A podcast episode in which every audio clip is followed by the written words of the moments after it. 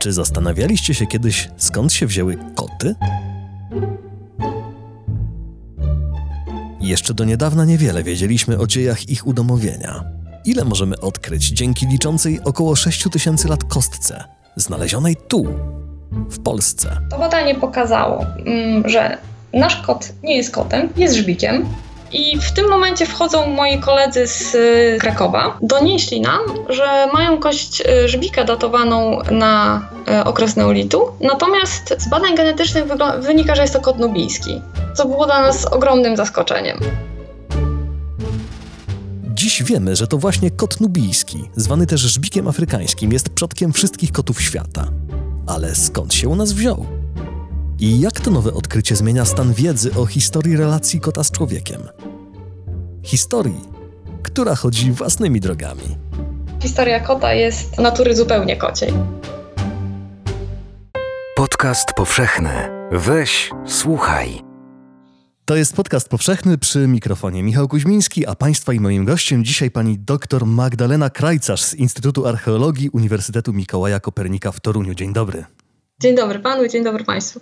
Spotykamy się dzisiaj, dlatego że e, na łamach prestiżowego Proceedings of the National Academy of Sciences pojawiła się publikacja e, pani i pani zespołu, e, która zajmuje się tropieniem kotów, prawda? Tak, dokładnie tropieniem najstarszego kota na terenie Polski. Okazuje się, że zupełnie nowe i, nieco komplikujące, czy też uciekawiające naszą wizję tego, skąd się wzięły koty y, na naszych y, europejskich i polskich ziemiach, dane się pojawiły, ale zanim y, o nie zapytam, chciałem poprosić, żebyśmy się cofnęli w czasie o te 8 do 10 tysięcy lat, kiedy po ostatnim zlodowaceniu ludzkość przestawia się ze zbieractwa i łowiectwa E, na uprawę i hodowlę, czyli kiedy następuje to, co potem zostanie nazwane rewolucją neolityczną. Ona się zaczyna w rejonie e, nazwanym Żyznym Półksiężycem, a potem stopniowo rozchodzi się po,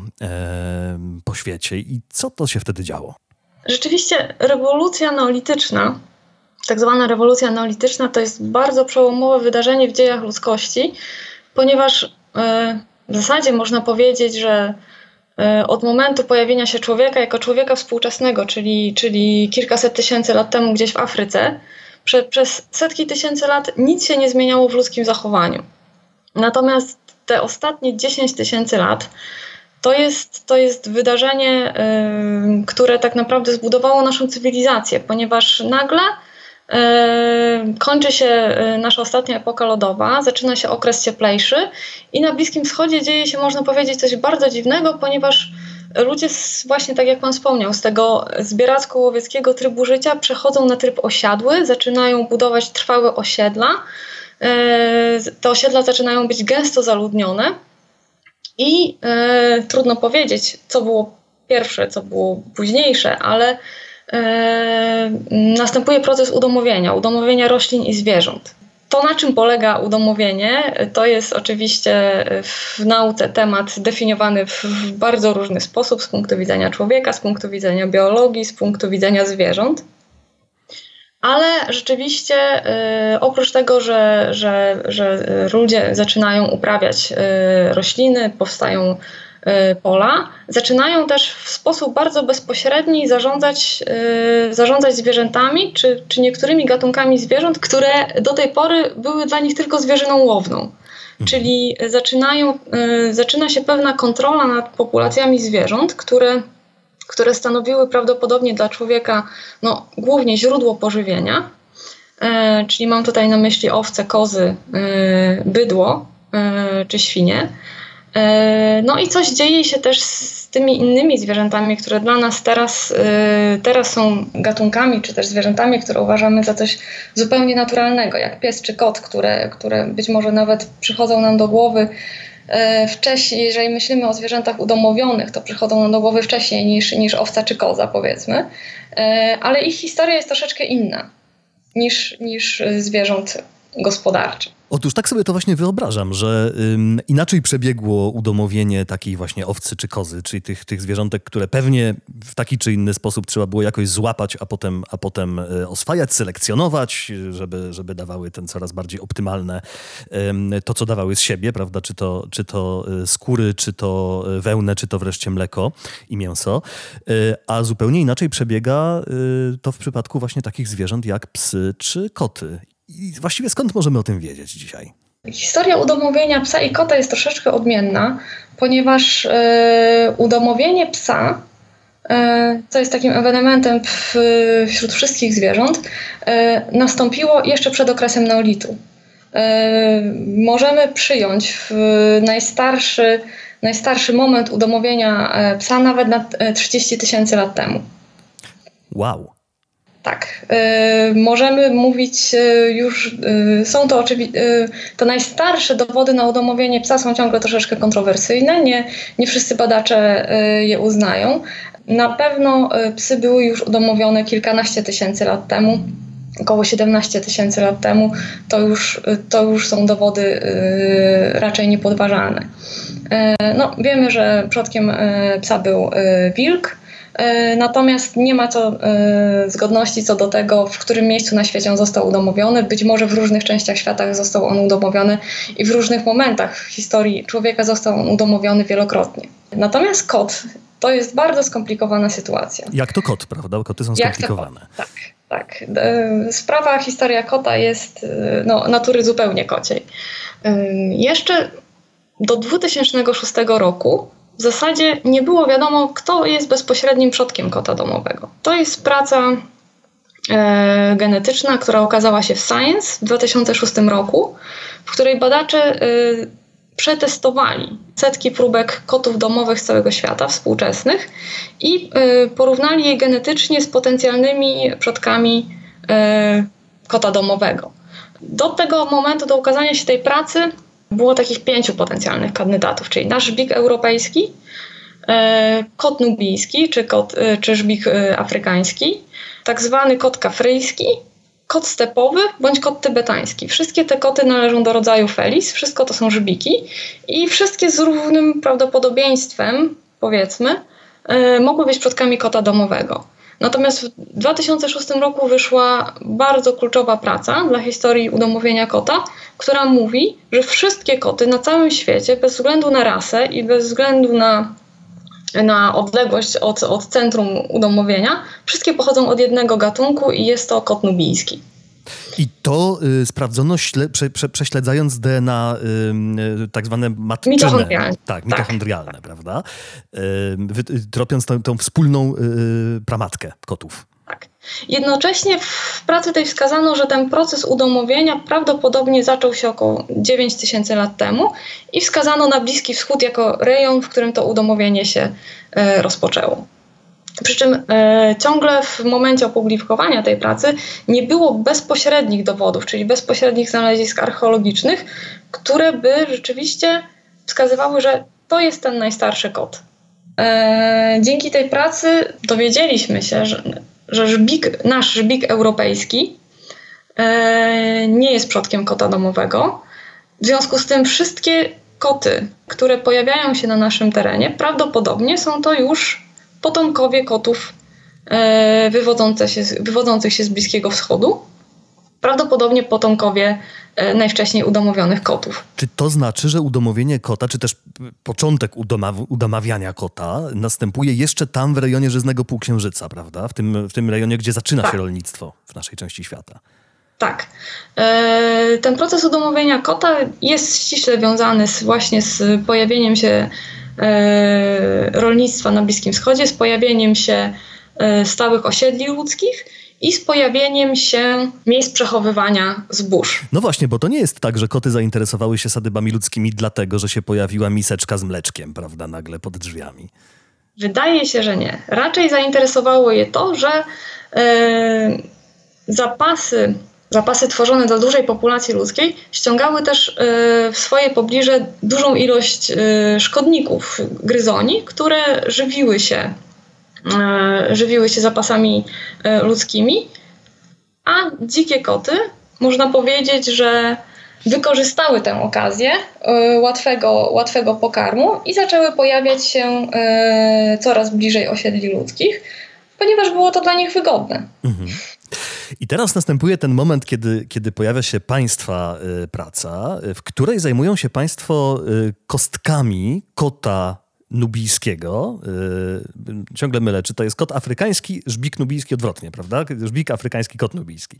w każdym razie to samo stworzenie, które nie znalazły się na, e, nie zostały znalezione mm, na Bliskim Wschodzie, ale zostały znalezione tu, w Polsce.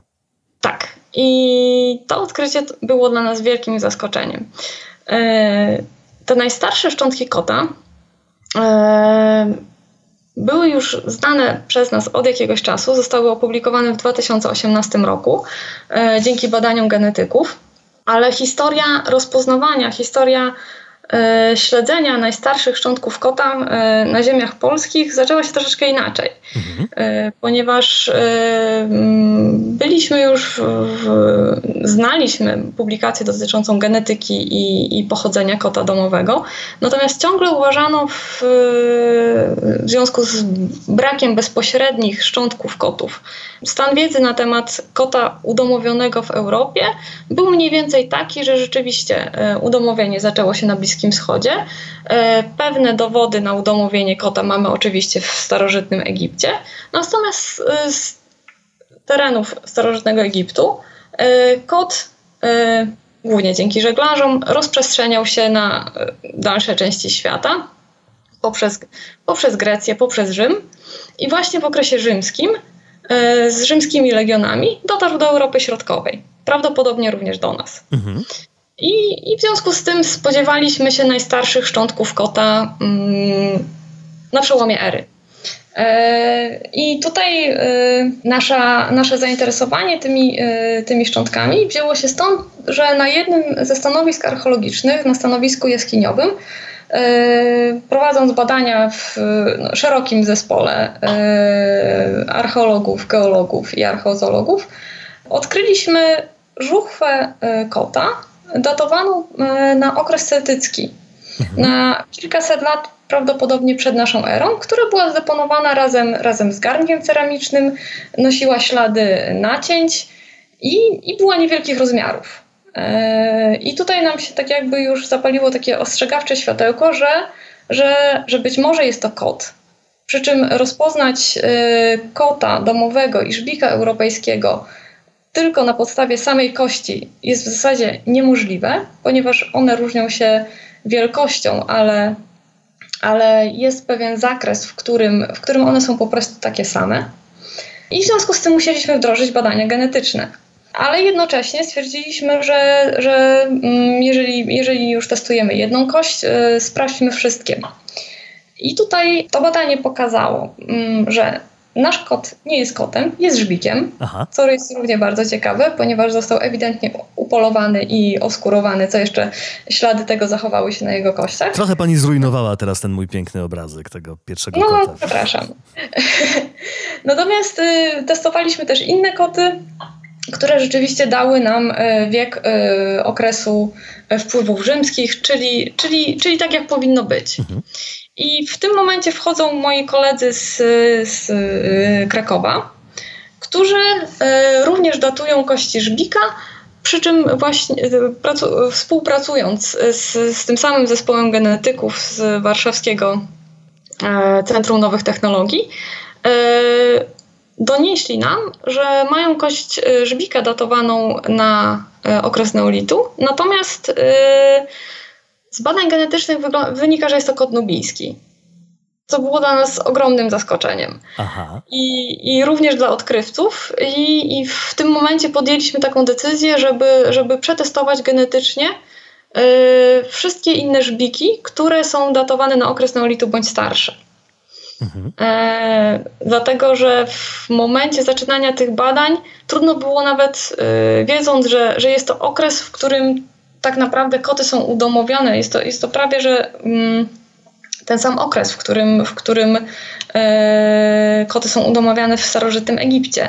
Więc trudno powiedzieć, że, że te koty dotarły już do nas. więc wysłaliśmy na badania e, paleogenetyczne wszystkie, wszystkie nasze e, żbiki e, wieku neolitycznego bądź starszego. To nie jest takie znalezisko. Znaleźliśmy kilka szczątków więcej. I, I tutaj zaczyna się właśnie w tym momencie najtrudniejszą rzeczą, która się pojawiła w tym momencie. Wiemy, że mamy koty nubijskie, wiemy, że E, są one datowane na okres neolitu, ale w jaki sposób możemy udowodnić, że one były udomowione?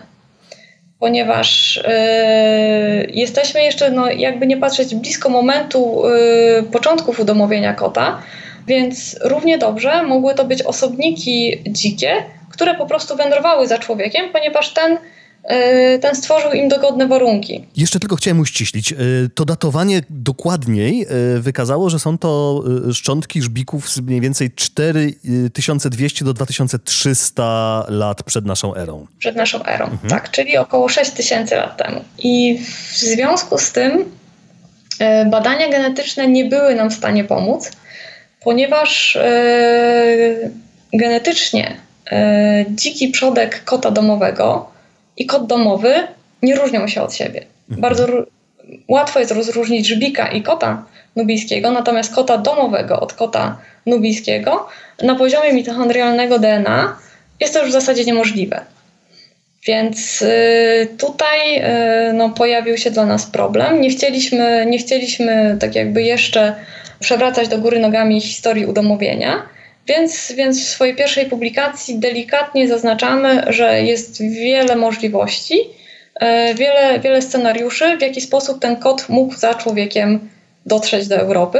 Chociaż w związku z tym, że nie jest to nasz gatunek rodzimy, najbardziej prawdopodobną e, rozwiązaniem było to, że on e, był już gatunkiem synantropijnym, podążającym za człowiekiem. Czyli nie to, że był udomowiony, ale raczej zmierzał sobie za tymi ludźmi migrującymi e, z Żyznego Półksiężyca tutaj w naszą stronę, w stronę e, dzisiejszej Polski, e, wykorzystując to, że tam, gdzie są ludzie, tam są jakieś resztki jedzenia, tam się, poja tam, tam się pojawia uprawa, więc są myszy i tak dalej. Dobrze rozumiem? Tak, tam pojawia się odlesienie. Mhm. E, prawdopodobnie e, zmniejsza się e, dla nich konkurencja ze strony rodzimych żbików, ponieważ te trzymają się z dala od osiedli ludzkich. Więc, więc e, summa summarum e, ta aktywność człowieka pozwala im rozszerzyć swój rodzimy zasięg dużo bardziej na północ. Okej. Okay. E, więc y, co trzeba było zrobić, e, żeby, żeby jakoś jeszcze przybliżyć się do wiedzy o tym, czy było to już zwierzę udomowione, udomawiające się, czy takie zupełnie dzikie, które wykorzystuje, taki, taki komensal okazjonalny, prawda? Czyli ten, który wykorzystuje e, jakieś zasoby jedzenia. Tu mam nadzieję, że pana po raz kolejny nie rozczaruje, ponieważ, ponieważ to jest coś, co co jeszcze chcemy zrobić, e, ponieważ jest to, jest to rzeczywiście bardzo trudna rzecz do zbadania. E, trudno, żeby zachowało się to w, w genetyce, prawda, w DNA kota, więc musimy szukać innych sposobów. I, I, jeden z tych sposobów wykorzystaliśmy w naszej ostatniej publikacji, a jest to badanie diety. Jak zbadać dietę zwierzęcia sprzed 6000 lat, z którego dysponujemy tylko kawałkiem kości z łapki? Tutaj z pomocą przychodzą nam badania stabilnych izotopów. E, badania stabilnych izotopów jest to metoda, która wykorzystuje, e, wykorzystuje taką zależność, że wszystko co jemy i wszystko co pijemy składa się z pierwiastków. E, to, co jemy i pijemy, buduje nasze tkanki, czyli czyli skład izotopowy naszego pożywienia, e, przechodzi do naszych tkanek. E, to, jak jesteśmy zbudowani, zależy od tego, co jemy. E, oczywiście nie wszystkie tkanki zachowują się, nasze tkanki zachowują się po śmierci, ale zostają kości. I właśnie z tych kości możemy wyciągać informacje w postaci, w postaci izotopów, w postaci badań chemicznych, które informują nas, jakie środowisko, jakie rodzaje pokarmu uformowały szkielet. I co się okazało? Główne pierwiastki, które, yy, które odpowiadają za dietę i które, które możemy odczytać z kości, to jest węgiel i azot. Węgiel w naszej diecie pochodzi głównie z pożywienia roślinnego, natomiast azot pochodzi, źródłem azotu są głównie białka zwierzęce. I w związku z tym najbardziej podstawowym wykorzystaniem metody stabilnych izotopów jest porównywanie, jak, dużo, jak był duży udział e, pokarmu mięsnego, jak duży udział pokarmu roślinnego. W przypadku pokarmu roślinnego też możemy wskazywać, czy mamy do czynienia z pewnym typem e, roślin o, o, o określonym typie fotosyntezy, bądź też czy mamy do czynienia z zbiorowiskiem roślinnym bardziej otwartym bądź bardziej leśnym. E, w przypadku azotu sytuacja jest troszeczkę skomplikowana, ponieważ e, tutaj badamy głównie mięso czy białko zwierzęce, e, ale jest też taka specyficzna zależność, która dotyczy azotu i, i zbóż, ponieważ człowiek, który uprawia zboża, zazwyczaj nawozi pola, które się szybko wyjaławiają po kolejnych zbiorach i do nawożenia używa nawozu odzwierzęcego. Ten nawóz jest bogaty w azot i w sposób charakterystyczny zmienia skład izotopowy ziarn, czy też później mąki, z której, z której powstaje główne pożywienie człowieka i główne pożywienie e, człowieka w neolicie.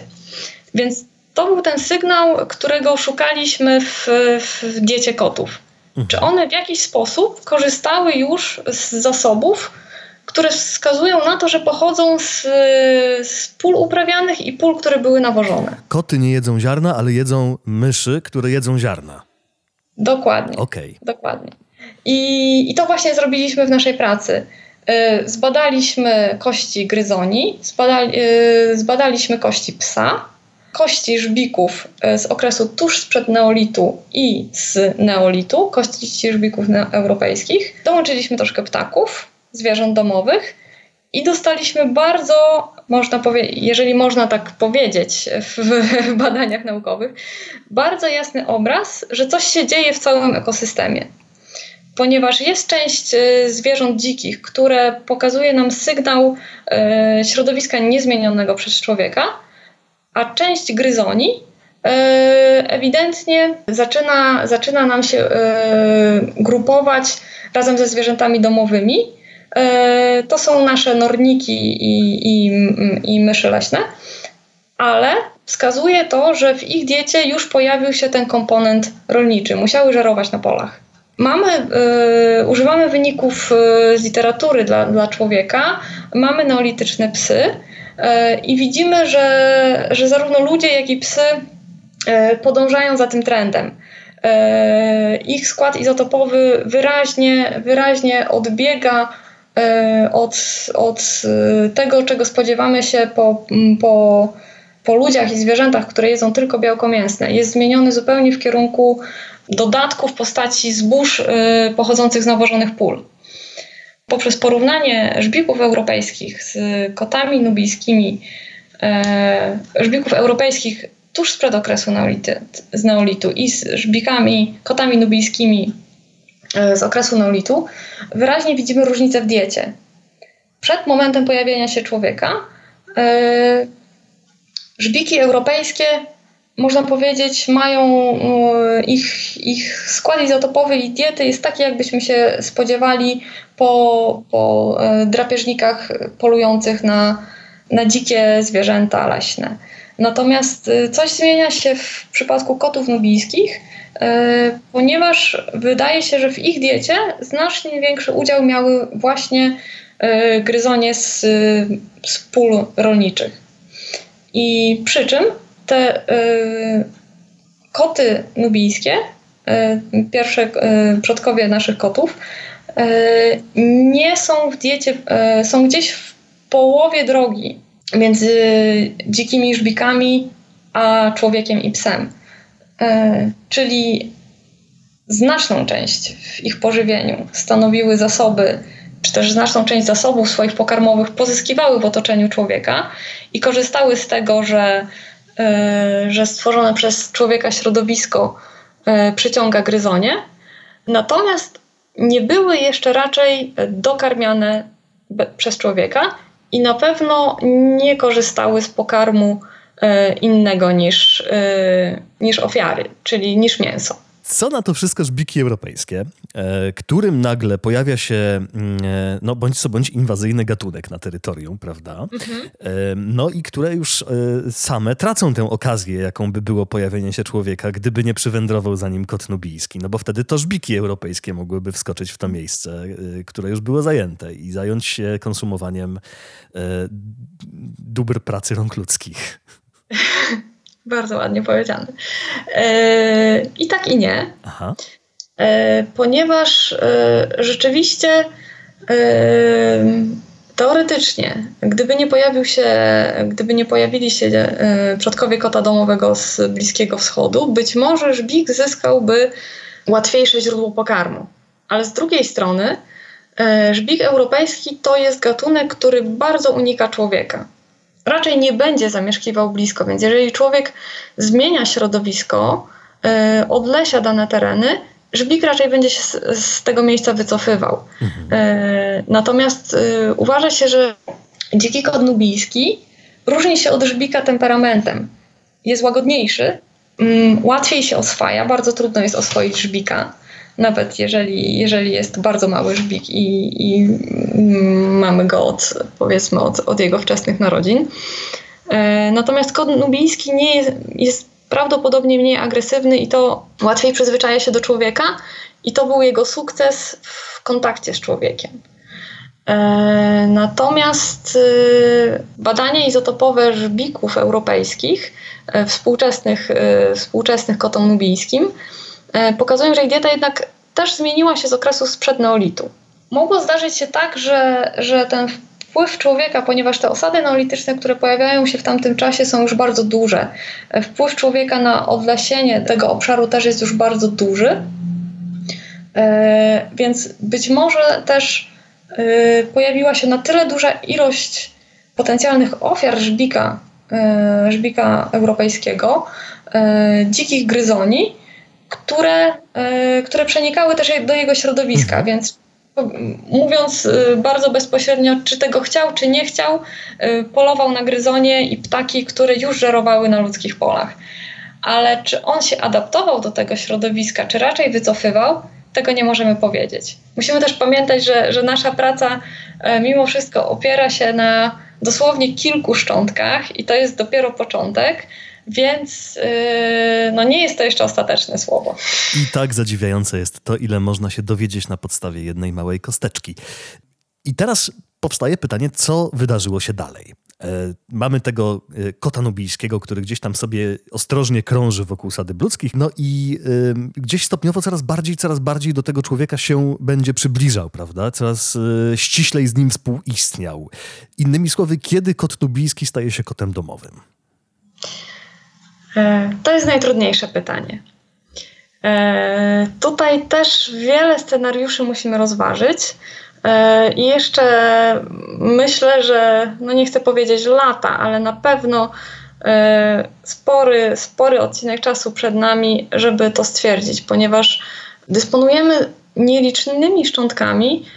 Szczątki kota i żbika też generalnie należą do najbardziej rzadkich na stanowiskach archeologicznych. E, w związku z tym, po pierwsze, musimy znaleźć więcej kotów, e, określić ich wiek, e, najlepiej bezpośrednio datując radiowęglowo, następnie wdrożyć bardziej zaawansowane, zaawansowane badania genetyczne. I to już się dzieje. To już się dzieje, ponieważ dokładnie e, na początku tego miesiąca e, zaczynamy nowy projekt skupiony już na genetyce żybików. Co jest możliwe w tym wszystkim? Możliwe jest to, że, że powiedzieć, że te żbiki przebywały tutaj od okresu neolitu i, i mm, tak jakby adaptowały się coraz bardziej do życia w środowisku człowieka, to też może być troszeczkę za dużo. E, nie wiemy, czy one przychodząc tutaj, e, tak jakby e, uległy udomowieniu i zostały z człowiekiem, czy też w jakiś sposób wymarły. Mhm. Mogło się zdarzyć tak, że, że koty te przychodząc tutaj straciły, pojawiły się w pewnym momencie ale straciły kontakt bezpośredni ze swoimi, ze swoimi źródłowymi populacjami gdzieś na południu. I w związku z tym bądź też wymarły, bądź też rozpłynęły się w, w naszych żbikach europejskich, e, jeśli mogę tak powiedzieć, ponieważ, ponieważ wiemy, że kot domowy czy, czy kot nubijski krzyżuje się z żbikiem europejskim i w związku z tym na poziomie genetycznym możemy stracić gatunek. Nie mamy wśród wszystkich szczątków, które datowaliśmy, które badaliśmy, mamy przerwę. Y, mamy koty neolityczne, a Później koty pojawiają nam się w okresie rzymskim. I jest to inna linia genetyczna kota niż ten, który pojawił się w, w okresie neolitu. Są to koty, które już prawdopodobnie wywodzą się od udomowionych kotów egipskich. I, i tak naprawdę, co jest pośrodku, tego będziemy poszukiwać w ciągu najbliższych lat. Czyli może, czyli to jednak mogli być Rzymianie, tak? Czyli mogło być też tak, że ten, te koty, które tu przyszły, wyginęły, a wtórnie zostały importowane już te e, tak, te egipskie. Tak. Więc być może obydwa scenariusze są prawdziwe. Zajmuje się pani mm, badaniami zwierząt sprzed y, udomowienia. I kiedy pani patrzy na dzisiejsze koty, to czy one są już takie do końca udomowione, czy jednak zachowują się trochę jak takie właśnie trochę półdzikie, czy może właśnie kończy się etap ich udomawiania? Y, bo kot to jest takie zwierzę, które chyba nie bardzo daje się o nim powiedzieć, że jest właśnie, że, że, że człowiek jest jego panem. Absolutnie tak. E, mówi się wręcz, że kot jest gatunkiem, który e, w żadnym wypadku nie powinien zostać udomowiony, ponieważ jest e, samotnikiem, nie wykonuje bezpośrednich poleceń, jest zwierzęciem terytorialnym, niezbyt toleruje towarzystwo innych zwierząt czy człowieka, więc, więc rzeczywiście to, że, że, że on się udomowił, można powiedzieć, jest dużą zagadką i od siebie obserwując koty, chociaż nie jestem właścicielką kota, rzeczywiście chyba jednak yy, ta granica, czy to one nas udomawiają, czy my udomowiliśmy je, jest ciągle płynna. Mam nadzieję, że i właściciele y, bądź entuzjaści kotów y, z tej naszej rozmowy dowiedzieli się dzisiaj czegoś nowego o swoich, y, no właśnie, bądź nie swoich wciąż kotach. Państwa i moim gościem, gościem podcastu powszechnego była pani dr Magdalena Krajcarz z Instytutu Archeologii Uniwersytetu Mikołaja Kopernika w Toruniu. Bardzo serdecznie dziękuję za rozmowę.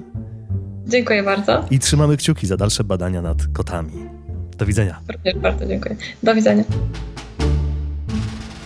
Jeśli słuchają nas Państwo w Spotify albo w Apple Podcasts, zasubskrybujcie nasz kanał. Jesteśmy też w Google Podcasts i w aplikacji Lekton oraz na www.tygodnikpowszechny.pl/podcast. Muzyka Kevin MacLeod, Sneaky Snitch, Film Music.io. Weź, słuchaj, czyli podcast powszechny.